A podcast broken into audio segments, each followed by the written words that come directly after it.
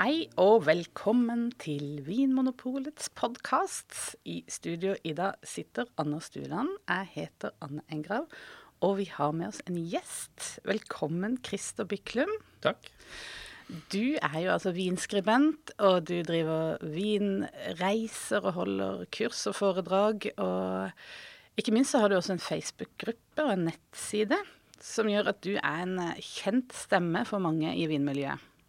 Ja, kanskje i hvert fall skriftlig. ja, kjent skriftlig stemme. ja. Og nå skal vi bli enda bedre kjent med deg, men kanskje det viktigste grunnen til at vi har invitert deg, er fordi at vi har lyst til å snakke om eh, noe så konkret som 100-poengsskalaen. Ja.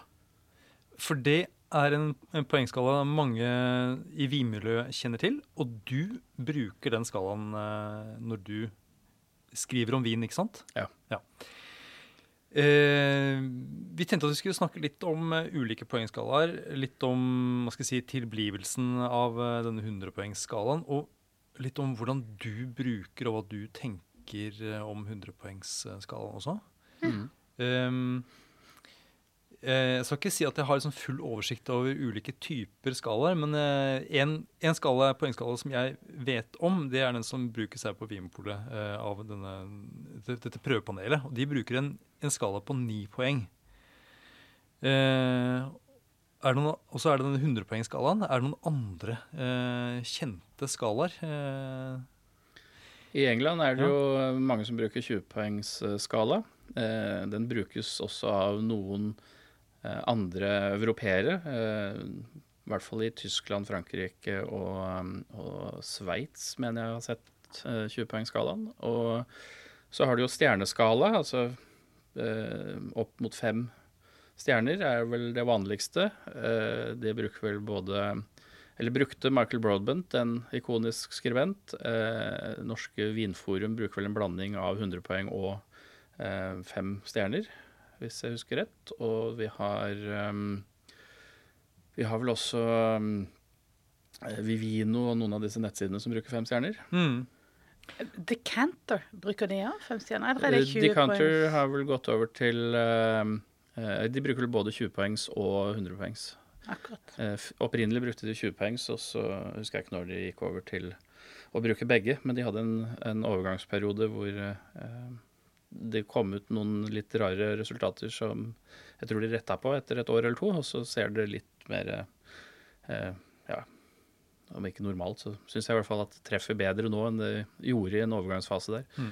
Men det var noe av det samme jeg hadde da jeg starta, for jeg starta også med fem poeng. Altså min, min eh, fra gammelt av, min store um, helt på en måte, var Michael Broadbent. Og da jeg fikk eh, kloa i eh, vintage eh, wine, eller hva det heter for noe, den uh, bibelen til Broadbent med notater tilbake på 1700-tallet, så, så, det var jo der på en måte min uh, delvis fanatiske notatsamling uh, og notatskriving begynte. Jeg har jo notater på servietter og alt mulig rart. men Michael Broadbent han er altså en skribent. Han er ikke fra 1700-tallet, men han, nei, nei, skriver, altså, lever i dag? Nei, han lever ikke i dag. Han døde vel i forfjor. Uh, han ble vel kanskje over 90 år. Uh, men han er jo Han var jo leder for var ja, Hvis jeg sier Sotheby's, var det sikkert Christies, men en av de to i hvert fall. Eh, og vinavdelingen der, og, og, er jo en av de eh, store, ikoniske gamle skribentene som jo nå Spurrier, som heller ikke er blant oss lenger, og, og Parker, som jo fortsatt lever, da, men er pensjonert. Eh, det er jo litt rart å tenke på at mange av de som på en måte starta dette her, er jo, er jo enten borte eller pensjonister. Jances Robinson er jo ikke pensjonist enda, men hun er jo nådd pensjonsalder. Så vidt jeg vet, så er hun 1 eller 72 år. Så. Ja, nettopp. ja. Ja, men Det er interessant det du sier med alder og sånt nå. Uh, at, det, begynner å bli en stund siden disse uh, ulike typene uh, poenggivning dukket opp. Eller er det sånn at man hadde At man satt poeng på vin før andre verdenskrig, eller, altså, eller, enda lenger tilbake? Holdt man på dette her på, på 1800-tallet f.eks.? Eh, så vidt jeg vet, nei. Eh, og, og, det finnes jo noen eh, beskrivelser av viner som er er gamle, hvor du i hvert fall kan se likhetstrekk da, med dagens viner. Men, men jeg vet ikke helt om engelskmennene hadde en skala. Eh, om det begynte på 70- eller 80-tallet. Uh, jeg vet ikke um, når dekanter Dekanter ble vel etablert på sent 70- eller tidlig 80-tall. Og hva, hvordan de uh, rata før det, det vet jeg ikke. Men, men Parker i hvert fall begynte jo å skrive skrive på ja, rundt 1980 uh, et eller annet sted. Og, og um, han begynte vel sånn smått på slutten av 70-tallet. Eh, og han etablerte jo en 100-poengsskala som var en helt ny, ny ting. Hvor han eh, rett og slett brukte det amerikanske skolesystemet, som bedømmer elever fra 50 til 100 poeng. og for en amerikaner så er det ganske intuitivt å vite hvor god en student er på på 87 poeng, og hvor god en student på 97 poeng er. Eh, så for dem så var det en naturlig sak. For det er karaktersystem? Ja, rett og slett et karaktersystem. Så det er under 50 så har du strøket, og, ja. og så er det toppkarakter er 100? Ja. Et eller annet sånt. Jeg vet ikke sånn helt spesifikt, men, men noe i den, den grad. Og um, da, og jeg vet ikke om, om uh, engelskmennene da brukte en 20-poengsskala før, eller om den kom til på samme tidspunkt. Uh, jeg vet jo heller ikke egentlig når Michael Broadbent begynte med sin fempoengsskala. Michael Broadbent begynte jo sånn smått å skrive notater på, på 50-tallet, så, så, om han begynte med det da, det, det, det vet jeg ikke egentlig. Man kan liksom bare gå ut ifra at de som drev med innkjøp av vin f.eks., hadde et eller annet system der de kunne Eh, kategorisere viner eller lage et sånt form for hierarki. Eh, men ja, de var jo kanskje... differensierte på et eller annet vis. Ja. Og, og, og, da kan vi jo igjen tilbake. Jeg var ikke klar over at Vinmonopolet hadde en nipoengsskala. Når, når begynte Vinmonopolet med den? Det, et, det var eh, prøveinstansen som begynte med det, og det var vel eh, Ja. Jeg, jeg, jeg, jeg, er usikker på om det, om det, går helt tilbake igjen til 1930-tallet, eller om det er noe som dukket opp uh, i liksom den Eh, moderne varianten som var på slutten av 80-tallet. Mm. Mm. Jeg tror det er den profesjonaliseringa av ja. eh, på en måte eh, sensorisk prøveinstans som laboratorium, på en måte. Mm. mm. Men er det, er, for det første, er, er, det, er, det, rene tall? Kan du ha 9, eller 8,5? Ja, det er et panel på fem dommere. Ja. Og så De må da gi en ren karakter. Mm. Det er ikke noe mulighet for å gi en eh, altså 8,5 f.eks. Men så blir det jo et snitt. Ja. Og da får man jo det smalere. Ja. Og er det, er det eh, Altså, har du bestått også på én? Nei, det er en feil vare, på en måte. Ja. ja. ja. Eh, så, så, eh, ja, for det er jo noe av det som mange blir litt forvirra over med 100-poengsskalaen, og for så vidt 20-poengsskalaen, er jo at det er jo ikke en skala fra 0 til 100 eller fra 1 til 20. Eh, så vidt jeg vet, så er det jo 9 eller 10 et eller annet sted som på en måte er en drikkbar vin på 20-poengsskalaen, og, og, du må vel opp på rundt 60 poeng for å ha en drikkbar vin på 100-poengsskalaen. For det er jo ikke noe under 50. Det er ingen, ingen vin som er 49. Nei, Som jo er litt forvirrende. Ja, ja, eh, men eh, ja, fortell litt eh, om denne oppbygningen av 100-poengsskalaen. Hva er som går disse intervallene i? Ja, Nå bruker jo forskjellige skribenter den litt ulikt. Noen er jo veldig veldig sjenerøse og gir ganske kommersiell vin 90 poeng. Og andre er jo superstrenge og gir virkelig fantastiske viner kanskje knapt nok 90. Så, så, den brukes jo forskjellig og individuelt fra hver eneste skribent og, og eller publikasjon. Eh, hvilket jo også kan være litt forvirrende. Men man ser jo at eh, mange, mange mm, havner i nærheten av hverandre. Eh, men altså, da jeg begynte, det jeg syntes var vanskelig Jeg begynte jo å bruke, bruke mm, de fem stjernene som Broadbent gjorde.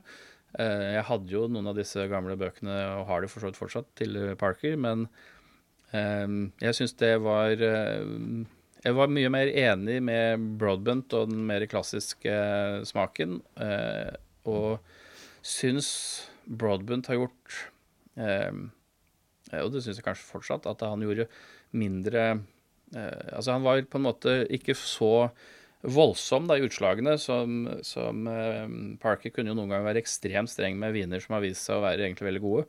Eh, og så kunne han være ekstremt sjenerøs med viner som i hvert fall noen av oss kanskje ikke syntes var like gode. Ja, Men du sånn- tenker det var ja. litt med skalaen han brukte det som Ja, altså han, jeg tror han brukte den litt sånn ekstra for å, for å Litt å- dramatisk? Ja, ja litt Ja. mer dramatisk på en måte. Og det tror jeg kanskje også noen av, av eh, de amerikanske publikasjonene særlig eh, kanskje tidvis fortsatt gjør. Uh, Det kjenner jeg meg litt igjen i, det der. Ja, fordi at Ja. det er litt sånn at det plutselig blir veldig eh, hype. Og så er det litt sånn når du smaker på den vinen, ja, men var dette en eh, 97 poenger? Altså den er god, men, men kanskje jeg vil gi den 93 poeng.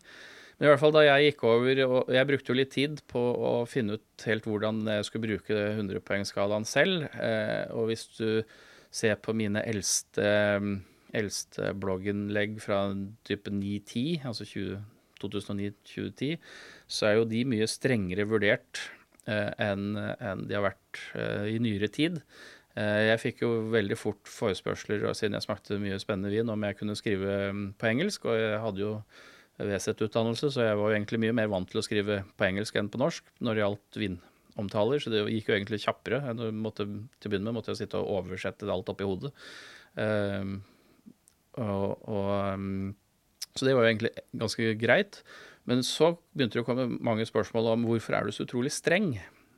Og i dag så er det jo eh, utrolig nok et og annet slått slott f.eks. i Bordeaux som jo bruker mine notater på under primør f.eks., uh, som egentlig er helt uvirkelig. Men, men eh, jeg ser jo at jeg ofte er den som har scora lavest fortsatt. Uh, så jeg er jo fortsatt det- regnet som en streng skribent. Akkurat da. Her kommer strenge Christer. Mens, mens Ja. hvis vi da tar um, kontra Vindforum i Norge, så, så er jeg jo veldig sjenerøs, for der skal det jo en del til før du kommer over 90 poeng. Så, så alle har litt individuell eh, poenggiving. Så det betyr ja, ja, ja. Ja, for det jeg lurer på er, at fins det eh, et eller annet organ som eh, har liksom eh, referansen på hva eh, 90 og 100 poeng skal være? Er det noen som kontrollerer dette her, eller Nei, nei, er det egentlig opp nei, til hver er- enkelt? Dette er opp til hver enkelt skribent. Det er ikke noen lover og regler på noe som helst. Men eh. likevel så er det da noen som reagerer og sier at du ligger for lavt, f.eks. Er, Ja, ja. er det produsenter, eller er andre? Uh, ja, det, bare det har jo vært som, eh, produsenter også, men, men det er også vinsamlere. Hva produsenter sier, er ikke jeg så opptatt av. For de, de får jo bare bli grinte hvis de blir grinte, eller happy hvis de blir happy. Ja. Eh, det er jo ikke de man skriver for. Man skriver jo for forbrukeren. Men eh, Men vinsamlerne, de reagerte? ja, lavt. reagerer, eller de begynner å stille veldig mye spørsmål. Da. Hvorfor, hvorfor du, likte du den ikke, på en måte? Så, ja, men altså, 88 poeng er en kjempegod vin, ja, men alle andre gir den 93. Eh, så istedenfor å sitte og svare på 100 sånne mailer, eh, så var det kanskje bedre å bare justere seg opp bitte lite grann. Um, men ehm, ja. Men jeg hører at når du sier at 88 og, uh, 92, da, da blir det reaksjoner når man ligger på, i det spennet der. Men det, men det er jo bare fire poeng som skiller, og det er jo en 100 poeng skala. Men så sier du OK, det er, det er bare de 50 siste delene av skalaen som gjelder. ja, knapt nok det. Og så i praksis så er det vel da et sted mellom 80 og 95 man bruker mest. Ja, jeg vil vel si at de fleste i dag vil vel sagt at det egentlig er en 70 til 100 poengs. Eh, men eh, vi beskriver jo ikke så mye tavernaglass. Eh, og i hvert fall noen av oss skriver jo ikke kjempemasse om veldig kommersielle viner. Selv de mest kommersielle vinene på, på tilgjengelig i det norske markedet er jo ofte bedre enn noe av det man får i enkelte andre land. Eh, som jo gjør at jeg tror de fleste norske skribenter starter et sted rundt 4-75. Det er ikke så ofte du ser noe som er lavere enn det. Eh, Jeg blir litt fra, ja. fra mitt ståsted så er det litt sånn at eh, jeg syns jo en, en Altså eh, slik jeg vurderer det, så er jo en, en skikkelig god kommersiell vin. Altså hvis jeg gir 79-80 poeng til en bag-in-box, så, så er det blant de beste bag-in-boxene. Eh, og, og hvis jeg Der hvor eh, eh, jeg syns vinen begynner å få mye Altså begynner å få personlighet og, og, og begynner å bli mer interessant, da er vi på sånn 4-85 poeng. Uh, og, og 85 poengs vin, det er, det er vin jeg virkelig koser meg med å drikke, men det er jo ikke en superkompleks vin, da. Eh, men det er vin jeg syns er kjempedeilig å, å, å drikke, og som jeg ikke trenger å liksom konse altfor mye på. Eh, Så blir det jo mer og mer komplekse jo nærmere 90-tallet du kommer, og, og 90-poengsvin er jo en skikkelig bra vin. Eh, Det, det er ikke sånn at jeg sitter og bare drikker viner på 90 poeng pluss. Eh, og det tenker jeg også at eh, det er jo noen samlere som bare skal ha minimum 92 poeng. Jeg tenker at de går kanskje litt glipp av litt dynamikk, fordi at hvis du ikke smaker litt vanligere viner, så i, i hvert fall i ny og ne, så, så blir det jo på en måte Altså hvis du alltid kjører Rolls-Royce, så glemmer du til slutt at den kanskje har en litt spesiell komfort. Da blir den plutselig hverdagslig. Og- Mm, Man må og- kjøre Toyota man må innom noe annet innimellom. og, og jeg tenker at det er, er um, veldig bra å, å få vært innom um, eh, ja, mer, mer um, Om ikke kommersielle ting, som at du i hvert fall får innimellom smaker normalt gode ting, da, som er vellagd. Det er jeg enig i. Men jeg blir litt nysgjerrig. Når, altså, hva er den laveste poengsummen du har gitt? Husker du det? Ja, det husker jeg ikke, men uh... Har du vært nede på 50-tallet? Nei, nei, nei altså du det, Altså, jeg bruker jo ikke skalaen helt sånn som eh, Parker um, starta, men han hadde jo veldig sånn spesifikt med, med at eh, du har jo fem poeng bare for oppmøte, men altså det er farven. Eh, jeg vet ikke helt hva han bedømmer Altså hva trekker du tre poeng for på farve? Så hvis rødvinen er rød, eh, den er klar Ja, men altså hvis du har en gammel vin med litt bunnfall, så er den jo ikke klar. Skal du da trekke en fantastisk vin fordi at det er litt bunnfall? Bare fordi at noen var litt sløve med ja, ok, Hvis det er litt ung vin, da. Ja, men, sånn at vinen begynner på 55 poeng, selv om så lenge den, måtte, den er flytende og har farge. Ja. Og så, men hva Så hvis en vin som ja, får 60 poeng, hvordan vil du beskrive en sånn vin? Hva er måte hva er uh... Den vil antageligvis være rimelig skrinn og tynn og grønn og umoden og ubalansert i de fleste bauger og kanter. ja. Har den feil? Er det noe sånne Ehm, det er vel ikke utenkelig at det kanskje er noe brett og litt annet uh, kødd bak der, ja. Altså sånn, Hvis du er på en, eh, en skikkelig sånn landsbytaverna i Hellas, hvor vinen er lagd av den enøyde tanta til broren til han som driver restauranten, Ja. eh, oppe i bakken bak huset, Ja, som er ligger jeg nedenfor søppelfyllinga Da er jeg solgt. ja, da, Ja, da- da, og du Den tar får- du to av. ja, og når du får noe hvor, hvor du liksom rygger, selv bananfluene finner ut at det tar et annet glass, da, da er vi vel rundt 60 poeng, tenker jeg. Ja, for det er jo interessant at det er jo fruktfluer, heter det vel. en, en mye større skala for eh, de dårlige vinene enn for Ja. de gode. Det er Ja, et ja. paradoks. Ja, det er egentlig helt utrolig. Eh, Jeg hadde en interessant debatt med Lisa Perotti Brown her for ikke så lenge siden, hvor, hvor eh, Altså, hvem, er, hvem er det? det er hun som Ja, nå har det jo vært så mange arvinger etter Parker etter hvert at hun har jo gått ut og starta sitt eget, hun også. Men, okay. men eh, det er eh, Det var hun som var, eh, var Wine Advocates eh, Hva blir det for noen Sjefsredaktør Ok. eh, før hun nå i vinter starta sitt eget. Men eh, hun eh, Altså i forhold til eh, 2021 i Bordeaux, da, som jo er en, en, eh, en eh, eh, ja, klassisk eh, Relativt god, men det er jo helt klart en mellomårgang og ikke en kjempeårgang. Eh, hvor hun da på en måte advarer at det er mange, mange viner som hun scorer på 80-tallet. Eh, men man må huske på at 80-talls eh, i hvert fall sent 80-talls, eh, altså fra 85 og opp, er- jo fortsatt gode viner. Og det syns jeg er litt interessant at du på en måte må gå ut og si det, for hvorfor er ikke det en selvfølge? Yeah. For det er jo en veldig greie. Jeg har jo produsenter som sier at Christer, hvorfor har du bare gitt 89 poeng til den vinen her? Eh, den er jo kjempegod. Ja, men 89 poeng er jo en kjempegod vin. Eh, det er ikke noe gærent i den. Hvorfor Vi kan jo ikke holde på med en tipoengsskala, uh, syns jeg, da. Det blir, det blir for smått.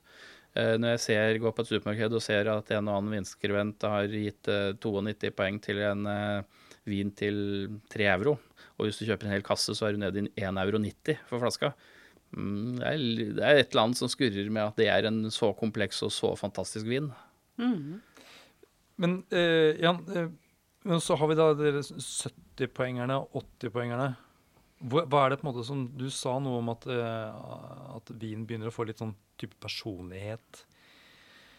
At den blir bedre og sånt. Og så nevnte du noe kompleksitet når du var oppe på, på 90-tallet. Er det noen sånne, noen sånne generelle egenskaper i vinen du ser etter for å liksom plassere den inn i, eh, Ja, altså, i um, sånn ja, altså jeg prøver jo? Ja, jeg prøver jo å vurdere vin eh, som, som man lærte på um, diploma, uh, hvor man ser på balanse, uh, lengde, intensitet, konsentrasjon, kompleksitet og, og, og en helhet. Um, og her er det jo en, en, en debatt da, i, i vinmiljøet om, uh, i hvert fall, hvert fall blant noen skribenter, at er hvor viktig er typisitet, altså druetypisitet, mm. og hvor viktig er regionstypisitet? Mm. Og der er det jo noen som kanskje scorer strengere hvis, det, hvis man finner at en vin mangler områdetypisitet. men for meg er det litt Hvis vinen er fortsatt er knakende god, så tenker jeg at det kanskje ikke spiller så stor rolle, fordi at hvor mange av sluttbrukerne egentlig som er, har en soleklar idé om hva som er øh, en cotte fra det terroiret, på en måte, eller en viss produsent. Altså hvor mange er det som har et så klart bilde av hvordan den typisiteten er. Um, og, og, være, ja, at, og noen ganger så er det jo enkeltprodusenter som har fått hva skal jeg si, definere en stil også i et vinområde. Det er jo ja. det er ofte mulig å lage mange flere ulike typer eller stiler vin mm. i samme område. Ja, altså vi ser jo det at uh, i visse områder hvor du um, opprinnelig hadde én ikonisk produsent, hvor du har hoppet på uh, og blitt et stort vinområde rundt etterpå, da, som, uh, som Ribero del Duero eller, eller Brunello, som opprinnelig bare hadde et par produsenter. Eh, eh, ja, Brunello de Montalcino hadde jo for så vidt mange produsenter, men de lagde ikke så mye rødvin. De lagde jo mer søte, søte viner. Eh, og du da ser at det kommer jo opp Du kan opprinnelig kalle det en slags copycat, da. Men så er det allikevel veldig få som klarer å, å kopiere stilen til det opprinnelige huset. som kan være ganske fascinerende. men du ser jo også innenfor klassiske appellasjoner hvor det er mange hus at det er ganske forskjellig stil fra hus til hus. Altså, det er ikke sånn at Poyak er dønn identisk, men du har eh, I mange av vinene så vil du dukke opp med alder sedertre og sigar og blyantspiss og sånne type aromaer allikevel. Selv om noen av de er slankere og noen av de er kjempekonsentrert og store og rike når de er unge. Eh, så det blir jo eh, ja, så, så, og da er det, er det, den tynne, slanke som var den klassiske stilen. Uh, skal du straffe de som er rikere og større, hvis de allikevel ender opp og, og blir mer typiske Malder, eller Ja, ikke sant. Uh, det, det, er komplekst, da. Mm. Men allikevel så er jo eh, 100-poengsskalaen på en måte designa for å kunne gi ett bilde på kvalitet, en mm. veldig sånn konkret verdi, som egentlig skal kunne eh, sammenligne eh, kvalitet på tvers. Så en uh, hvit chardonnay på 88 poeng skal være på en måte like god som en rød bordeaux på 88 poeng. Altså Det skal være noe sånn kvalitetsverdien du måler, er det ikke? Er det ikke ja, liksom? altså igjen så er det jo forskjell. Uh, når jeg scorer, så er det sånn at du skal forhåpentligvis ha omtrent en lignende ettersmak og en lignende kompleksitet på to 88-poengsvinner, uavhengig av hva slags druesort mm. uh, det er. Uh, og regionen er fra. Mens andre har jo såkalt peer group. Mm. Hvor, og det som jeg syns er problematisk, for hva er da en peer group? Altså, For det første så har jeg aldri noensinne sett noen score 100 poeng til en rosévin, som jo definitivt vil være en peer group. Ja. Um, og så vil jo neste problem være hva, hva slags rosévin, for det er jo kjempeforskjell på en lett Provence og, og, og disse mye fruktigere og mer intense fra Nord-Italia. Uh, er det da to forskjellige peer groups? Altså Du må jo sette deg ned da, for hver eneste smaking du gjør, og, og virkelig ha et uh, Altså Du må jo beskrive hva akkurat den peer groupen er. Er peer group er det Pauillac, eller er det vestside Bordeaux, eller er det Bordeaux i det hele tatt, eller er det Cabernet Sauvignon fra hele verden? Ja, Er det naturvin? Ja, ja, ja. ikke sant? Så det, så det, blir jo veldig veldig komplekst. Uh, og jeg ser jo det at alle de som vurderer peer group, uh, har jo en tendens til å utelate hva som er bedømmelsen av peer group uh, for smakingen, eller, eller, kriteriene generelt. og det syns jeg er veldig, veldig forvirrende. En annen problemstilling med å bedømme peer group er jo at uh, områder som da kanskje aldri egentlig klarer å lage spesielt komplekse uh, og store viner, får jo veldig høye poengsummer. Fordi at det er de beste vinene som disse drus, druesortene f.eks. kan lage. Men det er fortsatt ganske ordinære viner. Det er Eh, interessant. ja. Ja, eh, eh, Og når du da ser at dette er 93 poeng, og så måler du den opp med en, en Grand Cru fra Burgund eller en, en eh, førstevekst eller annenvekst fra Bordeaux, så, så blir det jo veldig veldig snåle eh, utfall, hvor de aller fleste vil se at det er en helt annen kvalitet på de siste kontra det første. Men det, er klart, det booster jo salget ditt, og det får jo navnet ditt på alle vinhyller og alle importører slipper. Da. Så, så det er jo veldig pluss for en skribent eh, å, å være veldig sjenerøs og ha sånne unnskyldninger i anførselstegn på peer group annet, for å kunne gi veldig høye poeng. ja, det, har du noen andre eksempler på eh, vinområder eller vinstiler som, hvor liksom de Hvor potensialet ikke er godt nok til å få egentlig superkvalitet? Det er jo masse druesorter som, som kan lage en helt kurant vin, men det er jo en grunn til at vi har eh, ikoniske druesorter. Eh, og det er jo ikke enormt mange av de. Eh, men det er jo druesorter som beviselig mange steder i verden klarer å lage noen av de presumptivt beste vinene. Ja. Eh, og du kan jo telle det på et par eh, hender hva, hvor mange druesorter det er, eh, med både rødt og hvitt. Eh, og etter det så, så faller det jo fort nedover. Eh, du har mange druesorter som kan lage veldig bra vin, men på en måte det skal mye til at du klarer å lage ikoniske. Men du har jo også masse druesorter som bare lager gode, gode viner. Men, Ja. men de, de har ikke kompleksiteten. De har ikke lagringsmuligheten for, for eksempel, da, til, å, til å bli ordentlig interessante og spennende. Men det kan fortsatt være veldig god vin. Jeg har bare lyst til å skyte inn Altså det er jo, Ja. Hva var det for noe? Eh, 1800 eller 2000 druesorter i Italia. Hvor mange har du hørt om? Nei, ja. Ja. Men akkurat det du snakker om peer group, jeg syns jo det er en veldig interessant eh, problemstilling. Og egentlig det du beskriver der, er jo på en måte Vinmonopolets kvalitetsbedømming. Men, men da er det jo en veldig sånn begrensa Du begrenser det til én smaking mot én spesifikasjon, der du sier det skal være denne vinen. Og så eh, bedømmer man alle vinene opp mot liksom idealet innenfor disse begrensningene. Også en pris. Og også en pris, og, og man bestemmer seg på forhånd. Da sitter man og diskuterer hva er kvaliteten innenfor dette, og så vurderer man det eh, hver og en. Og da ser man jo det at man ligger veldig ofte eh, man har et ganske godt bilde av hva, det, hva, man er ute etter, da. Altså det blir jo på en måte Man bedømmer jo Alle kan jo i utgangspunktet da få ni, uten at det er noe feil med skalaen. Eh, for det handler om liksom hvor eh, hvor mye vinen kommer i overensstemmelse da, med det man spør om. Så det er en litt annen form for bedømming. Mens en sånn 100-poengsskala, så, så er jo det en slags sånn innstilling eh, på en måte man har med seg hele tida. Så hver gang man smaker, så skal man jo kunne sette det eh, vinen inn i en eller annen sånn kvalitetskontekst. da. Og, og der syns jeg jo det er interessant at man har da et, en skala som er eh, ganske stor, og, og av veldig forståelige grunner så er jo den da eh, i praksis veldig mye mindre. Fordi at eh, det, det blir jo altfor mange eh, skritt, steg på den skalaen hvis man skulle forholdt seg til 100 eh, ulike steg. Eh, og eh, 15 er kanskje også ganske mye.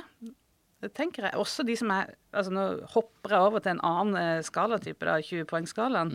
Er jo også da 20 steg, men i praksis så bruker man kanskje bare Ja, men det er mer også, fordi at eh, alle som eh, bruker 20-poengsskalaen, bruker jo minimum halve imellom. OK, ja, ja. Det Da har du og, og, og, 19,5 noen, og noen av Mm. de bruker jo også kvarte, så, så det er jo noen hvor du får, eh, får eh, eh, 16,75 poeng. Ja, ikke Eh, sant. Så da er vi tilbake Ja. til Men det er altså eh, Det var jo ikke sånn at jeg eh, gikk og bare hoppet fra femstjernersskalaen til Broadbent til 100-poengsskalaen. Eh, jeg begynte etter hvert å smake mye vin, og, og til å begynne med så var det veldig enkelt å Eller enkelt, men i hvert fall tre stjerner, fem stjerner, fire stjerner osv. Og så ser man jo plutselig at eh, ja, men den her, den, denne vinen er jo bedre enn den trestjerneren jeg hadde, men den er jo ikke så god som den firestjerneren. Så ble det plutselig tre og en halv stjerner. yeah. Og det endte jo opp med at jeg hadde sånn tre og en halv pluss pluss, og tre og en halv minus minus, og fire og en halv eh, pluss, og ja, ikke sant. Så det ble jo bare utrolig komplekst og veldig forvirrende til slutt.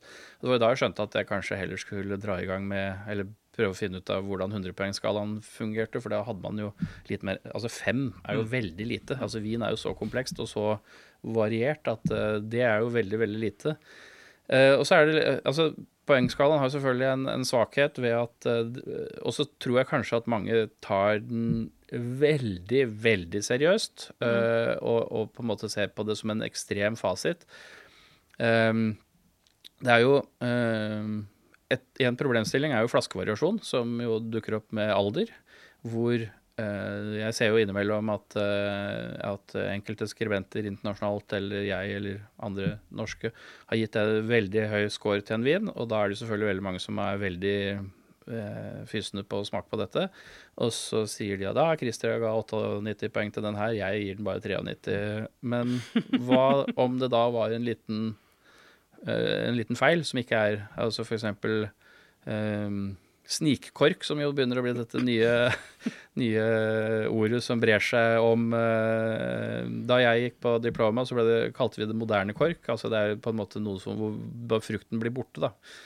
Um, og, og, men snikkork er egentlig et bra ord, fordi at, at er, det er noe som sniker seg innpå deg, og det er ikke så lett å oppdage. Jeg aner ikke hvor mange smakinger jeg har vært på med, med meget, meget kompetente smakere, eh, hvor hvor man uh, snakker om at ah, den vinen her er litt uh, tørr i finish, og den her er, mangler et eller annet. Og så er det jo ingen altså Da, da sitter jo på en måte uh, det du kan kalle de mest erfarne menneskene i, landet rundt bordet og smaker på vin.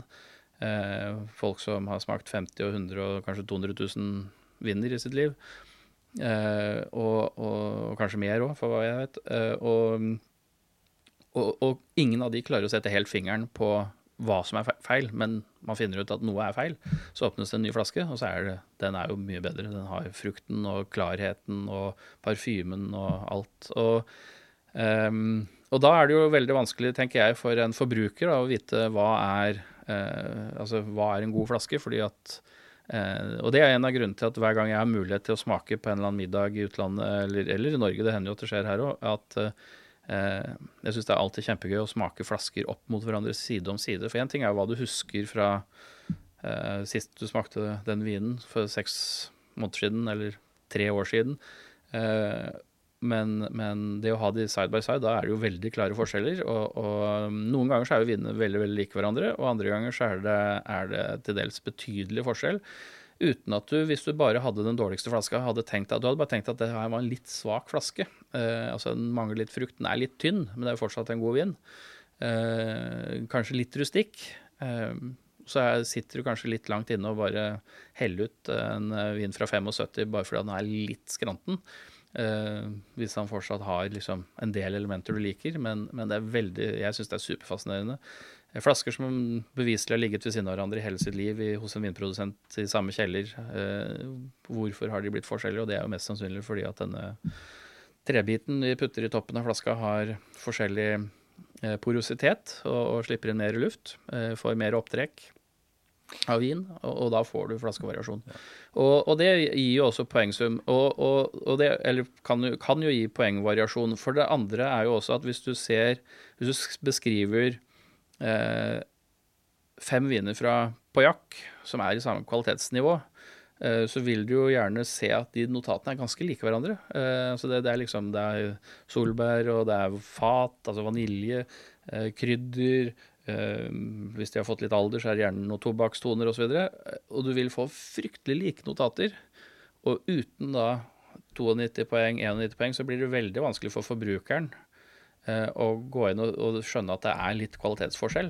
Eh, det er liksom samme med Altså, du kan ta det til bil, da. Hvis du kjører en, en, eh, en, en Toyota. Hvis du kjører en BMW 5-serie f.eks., ja. så er det jo forskjell på en 520, en 525 og en 530. Selv om bilene i utgangspunktet ser dønn identiske ut, så er det jo, det er jo litt forskjell på motor og litt ja, sånn. Det prøver så. mannen min å innbille meg om, men jeg er usikker. jeg er men, men, dette her er interessant, fordi eh, dette med flaskevariasjon, spesielt på utvikla vin, men som vi også opplever noen ganger på helt ung vin også, gir jo en usikkerhet da, når det gjelder bedømmelse av vin. Mm. I hvert fall hvis man bare har prøvd én flaske. Mm.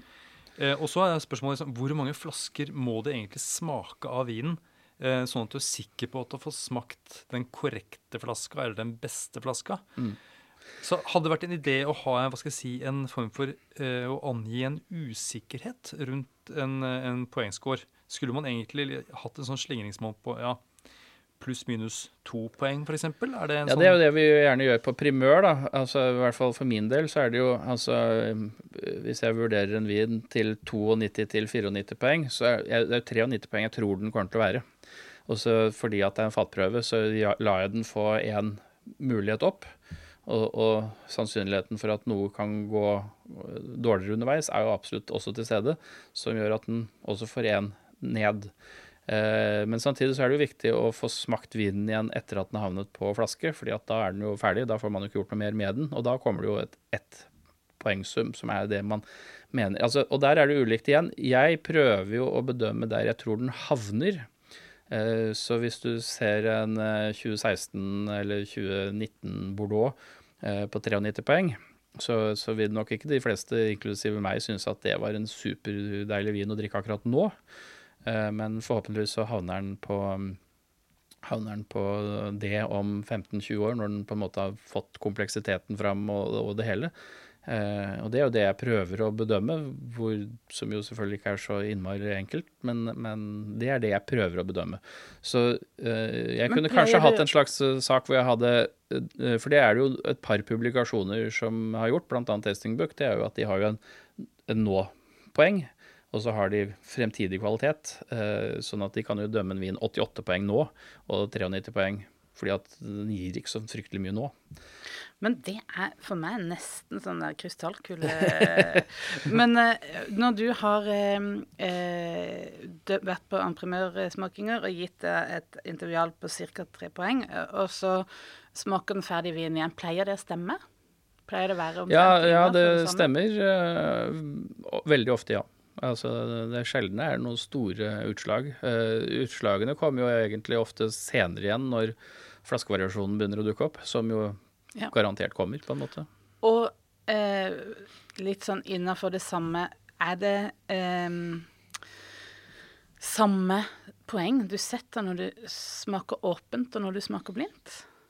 Ja, ja jeg setter samme poeng. Altså, nå er nå, Altså, jeg bedømmer jo vin altså, Nå har jeg gjort det så mange ganger at det er, jo, det er jo litt intuitivt. Så jeg sitter jo ikke og går ned og sier at det var seks poeng for farve, og nei, fem poeng for farve, Nei. sju poeng for lukt, eh, tolv poeng for smak. Altså, det, det, det er jo Mm. Man har jo bare et sånn helhetsbilde. Um, og og eh, ja, hvis det er smakinger hvor det går veldig, veldig fort, sånn som du jo innimellom gjør på noen av pressesmakingene før slipp, f.eks., med, med eh, du skal gjennom fryktelig mange viner. Altså det, er, det er ikke optimalt for noen eh, smaker å skulle gjennom 150 viner på en dag. Eh, det er mye konsentrasjon, og, og eh, ja, vin blir i hvert fall ikke eh, Den får i hvert fall ikke noe bedre skussmål enn det han kanskje hadde hatt hvis du kunne fulgt flaska over litt tid. Mm.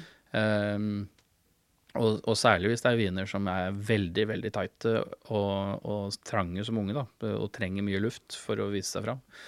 Eh, så ja. Eh, det er ikke enkelt, og, og det er nok i mange tilfeller ikke rettferdig. Det er nok mange viner som kanskje er bedre enn det de blir vurdert til, rett og slett fordi at man får for, altfor kort tid med de. Det blir Um, som en speeddate. ja, det er en veldig speed date, og du rekker knapt nok å si hei. Ja. Men, eh, men, smaker du vanligvis vinen blindt, eller smaker du det På åpent? private smakinger er eh, omtrent alt som blir servert blindt, ja. Ja. Er det øh, Når du smaker liksom samme vin flere ganger med ulike anledninger, øh, treffer du samme, samme poengsum? Ofte eh, Jeg vil egentlig si nesten sjokkerende ofte. Ja. Altså ikke samme, men ikke nødvendigvis samme, men, men i hvert fall nært inntil. Altså, Det er veldig sjelden jeg scorer en vinn 87 poeng, eh, med mindre det er en feil. Ja. Men det har, det har jo selvfølgelig hendt. Men, men da er det jo ofte at vi også diskuterer hva er, hva er, hva, hva er feil. Fordi at det er jo ikke sånn at eh, det, det er jo ikke så ofte jeg er på smakinger hvor én person scorer en vin til 87 poeng, og resten ligger på 97, på en måte. Eh, så, så um, de fleste har jo en eh, Eller i hvert fall av de jeg smaker vin med ofte, da, er jo i nærheten av hverandre innenfor Det er veldig sjelden det varierer mer enn to-tre poeng. Også, ved, Fordi det, om, det skjer jo ikke bestandig, da, men, men det er jo veldig greit å få liksom, drøfta og snakka om vinen før man har fått se hva det er. Mm. Det hender jo at noen blir overivrige og glemmer seg og drar opp flaska. Men, men Se hva jeg har tatt med! ja. Og så eh, snakket du litt om hva skal jeg si, potensialet for kvalitet. Er det sånn, eh, men eh, og er det noen vinstiler som eh, dominerer nitt, fra 90 til 100 poeng? Er det noen sånne typiske vinstiler som det er mange av der, eh, og noen vinstiller som man ikke ser så mye av ja, igjen de så? Altså For det første så er det jo selvfølgelig visse vinregioner som vil ha veldig mange høye poengsummer, rett og slett fordi at det er vinregioner som har eh, veldig mange produsenter som lager høykvalitetsvin. Eh, hvis, du, hvis du har et vindistrikt hvor det er 30 produsenter, eh, så vil jo de selvfølgelig ha langt færre 90-poenger pluss enn det Bordeaux har, med 8000 produsenter, hvor i hvert fall 150 av de er eh, rimelig gode kvalitetsprodusenter. Eller Burgund, hvor en og samme vinmark kan ha 25 forskjellige produsenter som alle lager i hvert fall relativt bra vin da, fra en Grand Cru, f.eks. Uh, og, og igjen, hvis du har små produsenter, sånn som Burgund eh, ofte har, hvor du da kan ha en vinmark som er kjempebra, med, med 30 forskjellige produsenter, så vil det være kanskje 30 viner da, som får fra 92 til 97 poeng en gitt årgang. Hadde det vært én produsent som hadde hele vinmarken, så hadde det bare vært ett poeng fra den vinmarken. ikke sant? Ja, så, men- så, mm, men- sånn sett så blir det jo mange av disse klassiske vindistriktene som får veldig mye omtale og mye poeng, Ja. eh, samtidig som det er også litt pga. oppbyggingen på stedet. Ja, fordi eh, Du snakker om at en ting er at det er mange produsenter Mm. av, av, i et område. Og da øker si, sannsynligheten for å få høy poengscore. Ja. Men det er jo en teoretisk mulighet at, eh, at alle produsentene lager dårlig vin. Det er absolutt også. Så Det er jo vindistrikter hvor alle lager ganske ordinær vin. ja, ja, for det, det jeg lurer litt på her, er det noen eh, egenskaper i vinene, altså vinstiler, som er typisk for de vinene som får eh, 90-100 poeng? Må det for er, det, eh, er, det, er det mulig for en vin uten fatpreg for eksempel, eller uten opphold på fat å få 95 pluss? Ja, det er i hvert fall Rieslinger som får det. Men eh, Men av rødvin, eksempel? Nei, det, tror er, eh, det tror jeg kanskje er vanskeligere. eh, for uh, Så det Det er- handler egentlig litt om stil også, ikke bare Ja, men det har også litt med at uh, det er, det er jo så Altså når en vinprodusent har en um, høykvalitetsvin, um, så vil de jo gjerne at den skal ligge en del år på fat. Uh, nå er det jo selvfølgelig noen som bruker gamle fat, som ikke gir så mye, mye um, Eller knapt nok gir noe særlig tresmak, eller altså eh, spor av eik. Men Eh, Hvis du har en vin som bare har vært på ståltank, så er jo den nesten alltid en rødvin. er nesten alltid en ganske enkel vin. Eh, altså De mangler jo De er litt uslipte tanniner, fordi at de har jo ikke vært gjennom mikrooksidasjon og disse tingene som på en måte sliper ned strukturen litt. da. Så, så det er jo noe med at de fleste høykvalitetsviner i verden har jo faktisk vært på fat. Eh, det som jo er en trend, er jo helt klart at nye um, nye fat, eh, og den veldig vanilje-toast-preget går jo veldig ned. Det er jo stadig færre produsenter som bruker 100% nye fat, så, så sånn sett så er jo fat um, Fatbiten er jo kanskje mindre viktig enn han var, eh, men, men at det er Jeg klarer ikke å komme på noen vin på stående fot som er en høykvalitetsvin som ikke har vært på fat, selv om det sikkert er noen, men, men eh, i hvert fall, i hvert fall gamle fat, i det Mm. minste. Men tror du Det er noen at de- kanskje som har vært på, sement i lang tid. Uh, det er mulig, men jeg kommer liksom ikke på noen her og nå som er uh, produsert på den måten. Men tror du det er mulig at de eh, vinene som Parker i sin tid ga 100 poeng, at hvis de hadde blitt smakt i dag, så ville de blitt vurdert lavere kvalitet? At det var en litt sånn stil som ble mer Man ble mer begeistra for tidligere som nå. eh, så det det der med kvalitet kanskje ikke er helt sånn statisk. Nei, og det er det jo ikke, men, men, og det har det jo egentlig aldri vært. Eh, Vi har jo, har jo en, en episode hvor Jancis Robinson og Robert Parker var dypt uenige om en og samme vin i en og samme årgang. Eh, og ganske forskjellige synspunkter, hvor Parker, om han ikke var på 100, så var han i hvert fall tett opptil.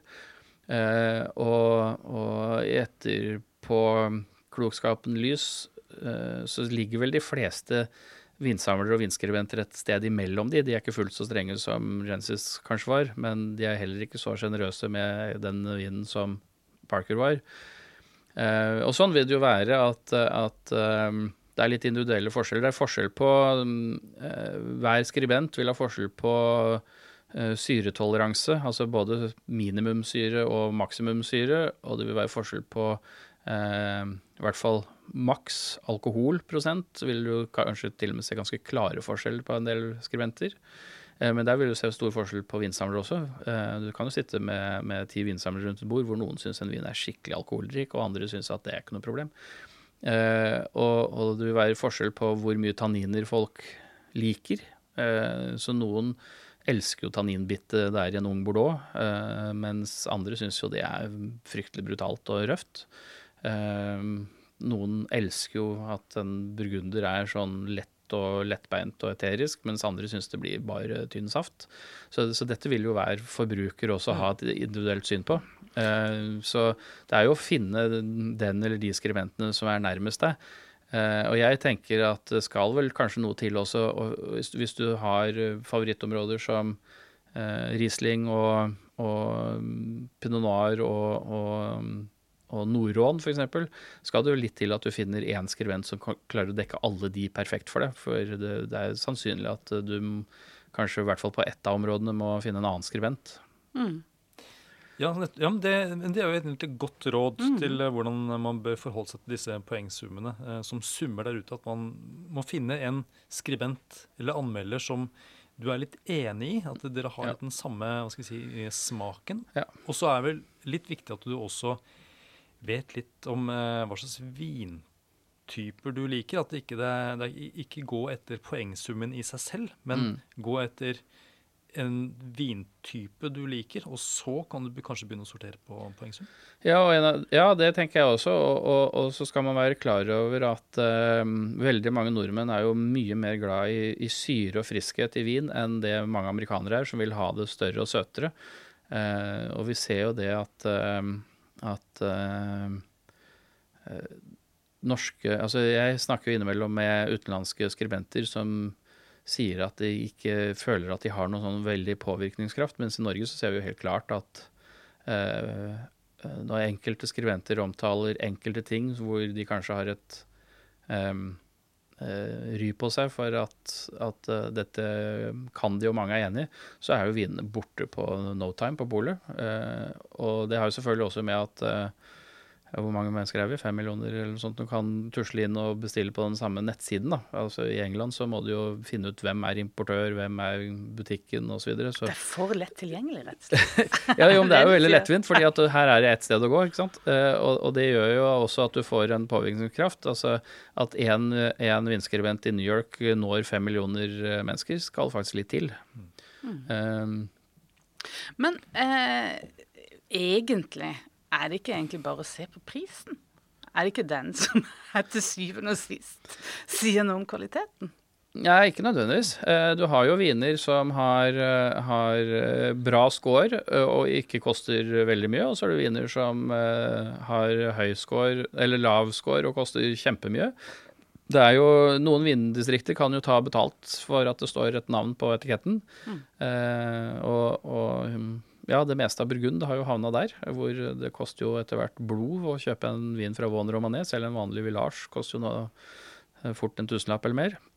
Men hvis man da er en, eh, en anerkjent og, og vinskribent som mange følger, og man får eh, servert en serie blindt, og man gir eh, med god begrunnelse en veldig dyr og anerkjent vin ganske lavt score, vil det være verst for vinen eller for vinskribenten? å si det sånn på den måten. Eh, Det kommer vel um, an på. Hvis eh, alle som eh, smaker vinen er helt uenige med vinskribenten, så er det nok verst for vinskribenten. Ja. Hvis de som smaker er mm, enige med vinskribenten, så er det nok verst for vinen. Ja. Nei, men altså, det er jo, det er jo som med den, den kunden som går inn da, og kjøper en flaske som kanskje har da, en snikkork, hvor du ikke egentlig merker at det er noen feil, men du bare syns dette var stusslig, går jo aldri og kjøper den vinen igjen. Og, det er nok litt sånn for en vinskribent også, at hvis, eh, hvis eh, forbrukeren aldri Altså hvis du aldri treffer, på en måte, eh, så er det nok out of business også. Så um, det er, det er, det er nok en fellesnevner der, at du må være på ballen. Eh, siden du har så mye erfaring med å sette mm, poeng i sånn 100-poengsskala, er det noen, hvis du skulle gitt noen, sånne, noen råd eh, for de som har lyst til å ja, begynne å bruke 100-poengsskalaen, hvordan skal de gå fram? Har du noen sånne enkle råd og tips? Eh, ikke egentlig, fordi at eh, for meg så er den intuitiv. Eh, men men eh, jeg ser jo det at når folk eh, Det er i hvert fall noen som publiserer da, på God vin, eh, som jeg driver på Facebook. At, og der er det jo innimellom noen som skriver at farve for så og så mange poeng, lukt for så og så mange osv. Det er jo er nok en måte å gå fram på. En annen ting er jo egentlig kanskje å, å prøve å sette seg ned eh, Altså den beste måten å vurdere viner på En ting min far gjorde, eh, er jo at han starta med en eh, enkel, men vellaget vin. Det kom blindt.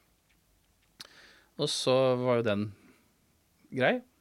Og så kommer øh, neste vin, øh, så, som jo hadde en høyere kvalitet. Eh, og visste fortsatt ikke hva det var. Eh, og så fikk jeg da beskjed om å gå tilbake til den første og se hvor mye enklere den var blitt. Eh, og så kom en tredje vin, som jo var veldig eh, mye bedre enn de to foregående. Og igjen så var det mm, å gå tilbake og se hvor mye enklere da vinen i midten var blitt.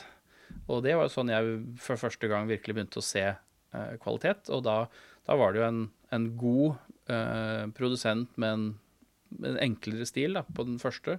Og så var det en, en, en eh, eh, absolutt en mellomgod eh, produsent på nummer to, mens siste vin var jo faktisk en ikonisk vin. Mm. Uh, og det var første gang jeg virkelig så, fordi at man smaker side om side. Og hvis du, uh, som jeg sier til en del som er på vinkurs og foredrag, at hvis du, hvis du åpner to viner, selv om du vet at du bare får drukket én flaske, hvis du åpner to viner samtidig og har de side om side eh, første dagen, og så setter du de kjølig sånn at de oppbevares så godt som mulig til dagen etter, eh, og smaker de samme på nytt, så vil du oppleve Altså du lærer fire ganger så mye, fordi at du, en ting er at du har smakt vinen side om side, men du har også sett hva som skjer med litt lufting. Eh, noen ganger så er det for mye, og andre ganger så, så er det kjempebra utvikling.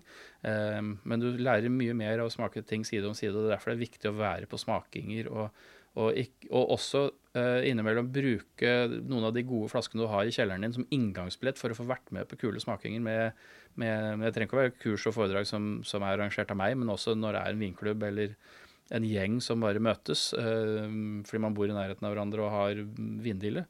Eh, og, og sitte en kveld med, med ti andre personer og smake gjennom ti viner lærer du utrolig mye mer av enn å sitte og ha én og én vin for seg sjøl, fordi at du får aldri sammenligne. Og, og uansett hvor god husk du har, så, så er det det du husker fra dagen etter. Altså Hvis du har stått i kø hele den dagen og hatt en ordentlig dårlig dag, så blir jo ikke den vinen noe bedre. ikke sant? Men hvis du bare har sittet i hagen og Ja, kommer an på hvilken bil du sitter i. ja. Og hvis du bare har sittet i hagen og lukta på blomster eh, den andre dagen, så, så er klart da er du kanskje litt mer eh, positiv innstilt. Så, så det er liksom Det er mange faktorer Ja, det er mange faktorer, Ja. og det er derfor det er greit å, å, at du er i samme stemning. da. Ja. Og, og man snakker jo også om atmosfære og trykk og alt dette her har en innvirkning, så, så det er veldig bra å være på smakinger hvor du får smakt mange ting side om side. Ja, så det du sier er egentlig eh, prøv Og tren og tren og Ja. smak og smak og Så det å være litt systematisk, plukk ut en gruppe med viner fra samme område f.eks., men i ulike kvalitetsnivåer. Mm. Prøv de sammen og sammenligne dem. Gå litt fram og tilbake til vinene. Prøv å ha hva skal jeg si, en sånn tilstedeværelse eller ro når du mm. går inn i prøvingen. Så, ja, Ja, ja, og, og- og- og diskutere og smake sammen med andre. Så tenker jeg at du skal kanskje ikke gyve løs på 100 poeng eh, fra eh, første flaske. Det, det viktigste er jo egentlig å, å notere seg litt om eh, OK, dette var en Merlot, denne er fra Pomerol. eh, den koster det og det eh, fra den og den årgangen. Den syns jeg var god. Eh, og hvis du da har smakt etter hvert eh, 20 Merloter, eh, og, så, da har, og, og du har likt alle, Ja. eller likt um, 70% av de, ja, da kan jo Merlot f.eks. være noe å gå videre med. Hvis du har smakt 17 Merloter av 20 og ikke syns noen av de 17 var gode, og så var de tre siste adekvate, eh, ja, da er det kanskje ikke Merlot druen for deg. Eh, og det tenker jeg at er egentlig der du skal starte. Ikke begynne, med 100 poeng og nye smak, eh, fulle smaksdonater. Det, det, det kommer eh, underveis når du liksom er gira nok. Uh, det viktigste, tror jeg. Fordi at, det- altså, det er dyrt å gjøre bomkjøp, da. Uh, og det er jo litt av det som er jeg håper å si, greia med, med skribenter. Det er jo at du forhåpentligvis ikke skal gjøre bomkjøp. I hvert fall hvis du finner den skribenten som du ofte er enig med. Men du må gjøre bitte lite grann jobb selv òg, for det er veldig kjedelig. å- å- sånn som nå går man inn i ferien. ikke sant? Hvis du kjøper inn, inn eh, 14 flasker for du skal være to uker på hytta, eh, og skal ha én flaske vin hver dag, og det viser seg at alle de var bomkjøp, det er ganske kjedelig. Det blir en traurig ferie. Ja, jeg lurer på om vi kanskje er ved veis ende, altså. Ja. Ja, eh, jeg har bare et, eh, et forslag sånn på tampen. Ja. Eh, for jeg, jeg, jeg skjønner det at eh, en vin som har 100 poeng, det er jo ganske sexy. Mer sexy det enn eh, en min som har fått 20 poeng, eller 6 poeng, f.eks., hvis man bruker andre poengskalaer. Mm. Men jeg, jeg kunne godt tenke meg å lansere min egen poengskala. Ja vel. Og den skal ha 1000 poeng! Oh, Tenk deg, altså en vin som har fått 1000 poeng. Den er jo klart at den er, den eh, er jo det er hottere det enn har fått 100. ja, det er det. Er det, kunne du tenkt deg å begynne Men, med? 1000, men jeg 1000 tror poeng? det blir veldig, veldig køddent med 823 poeng. Ja, ja. Nei, men altså Kan du, kan du runde av at den nærmeste tier? jeg, jeg vil bare si tusen takk eh, for i dag. Eh, det var veldig gøy. Og personlig holder jeg meg til terningkast. Takk for at du hører på Vinmonopolets podkast. Har du forslag til et tema i podkasten? Send mail til podkast at vinmonopolet.no. I tillegg svarer kundesenteret deg på e-post, chat og telefon.